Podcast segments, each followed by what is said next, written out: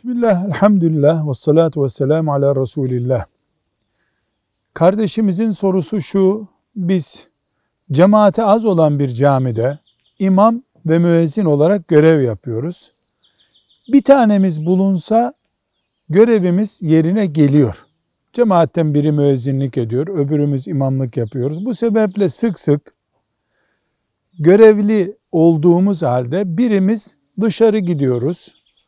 Sonra da müftülükten veya yetkilimizden bizi de bir sorgulama yapılmıyor. Kazandığımız maaş helal olur mu? Cevap olarak diyoruz ki ayda bir defa, iki defa namaza geç kalmak gibi bir şey olabilir. Ama devletin veya sizi yöneten Diyanet İşleri Başkanlığı'nın ikinize de görev verdiği bir yerde ihtiyaç olmasa da birinize üst makamınızı bilgilendirmeden bu işi adet haline getirmeniz görev ahlakınıza ters düşer. Maaşınızdan önce bunu düşünmelisiniz. Velhamdülillahi Rabbil Alemin.